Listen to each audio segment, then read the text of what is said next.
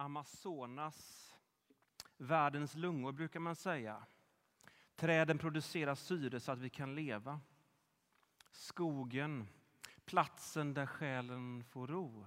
Tankarna klarnar och livet återfår sin balans och rytm.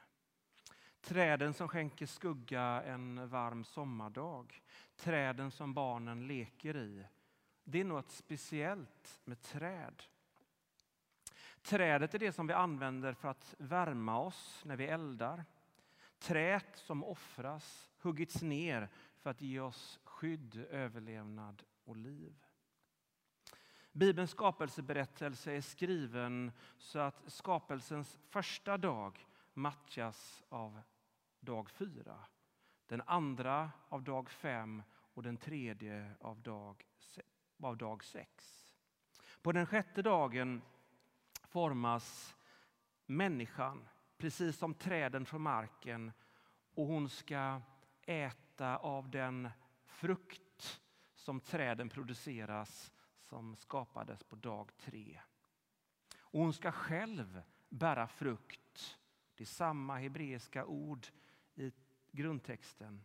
Människan liknas alltså vid ett träd. I den trädgård som Gud placerar människan så finns det i mitten av trädgården två träd. Kunskapens träd och livets träd. Livets träd är en symbol för Guds utgivande liv och närvaro. Gud är tydligen också ett träd. Och människan är inbjuden att äta av detta träd för att få evigt liv. Låt oss smaka på den bilden. Vi tar ett äpple som växer i vår trädgård. Vi tar en tugga. Vi känner sötman, syrligheten, krispigheten. Det är gott. Det är njutning att äta. Inte bara det. Äpplet har på ett par timmar finfördelats i vår kropp och spridit näring i alla dess delar. Äpplet finns snart i hela kroppen och ger kraft att leva. Gud liknar sig vid ett träd som vi är inbjudna till att ta in i oss själva, njuta av, förenas med så att hans inneboende i oss ska ge oss liv. När människan också liknas vid ett träd beror det ju på att vi är skapade till Guds avbild. Just det, för att ge liv åt andra människor. Att bli ett fruktbärande träd. Så kan man sammanfatta människans kallelse. Men där i lustgården står också kunskapens träd. Vi som människor valde att försöka bära frukt, inte genom att äta av Gud utan genom att vara ett helt och hållet självförsörjande träd som inte behöver Gud för att bära frukt. De två träden, livets träd och kunskapens träd, är inte bara två vägar som människan kan gå, utan också vad vi människor kan bli. Människor, vad de erbjuder oss, kan vara till liv och kan vara till död. Traffickingmannen som kommer till den lilla fattiga byn och erbjuder guld och gröna skogor, skogar till unga tjejer i Sverige är kunskapens träd det ser gott ut, men de erbjuder död.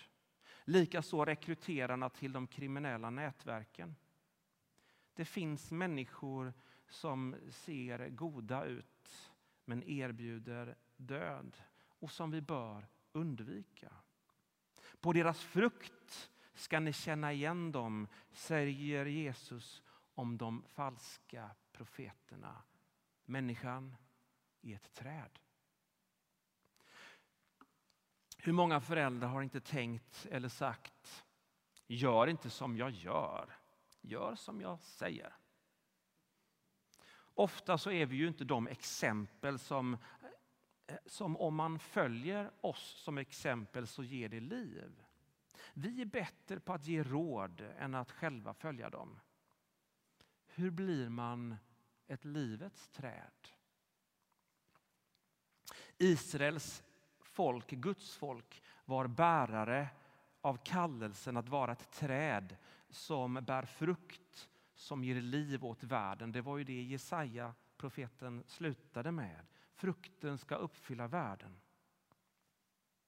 När Jesus har ridit in i Jerusalem då kommer han till ett fikonträd som inte bär frukt. Och Jesus förbannar detta träd och skapar därför en bild av vad Israel har blivit.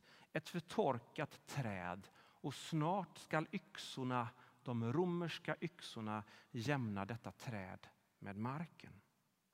Och det är mot det, denna, hela detta bibliska panorama som Jesus säger, jag är den sanna vinstocken. Med andra ord, jag är den sanna vin, jag är den sanna människan.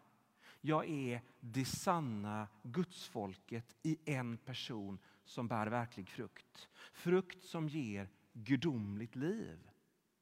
Ja, Jesus är inte bara det sanna människoträdet, det sanna gudsfolksträdet. Han är också livets träd. Det gudomliga trädet. Allt vad Jesus sedan säger i dagens evangelium är en konsekvens som bara dras av detta. Jesus är livets träd. Han är den verkligt sanna människan och behöver inte säga gör som jag säger, inte som jag gör, utan kan säga gör som jag säger och följ mitt exempel. Om vi ska leva i ljuset av att Jesus är livets träd, då blir vårt främsta fokus att förbli i honom. Fokuset blir inte att bära frukt. Fokuset förblir är att förbli i honom. För, för den gren som förblir i honom bär frukt. Eftersom grenen som förblir i trädet, ja, det bär frukt helt enkelt i rätt tid. Uttrycket bli kvar finns dubbelt så många gånger i texten i, i sammanhanget än ordet bära frukt. Det är alltså tydligt i Jesu undervisning att han lägger tyngdpunkten på att förbli i Jesus. Bildspråket säger också att det som Jesus målar är närmsta möjliga närhet mellan honom och vi som följer honom. Så nära som grenen är stammen, så att saven kan rinna över av sig själv från stammen till grenarna.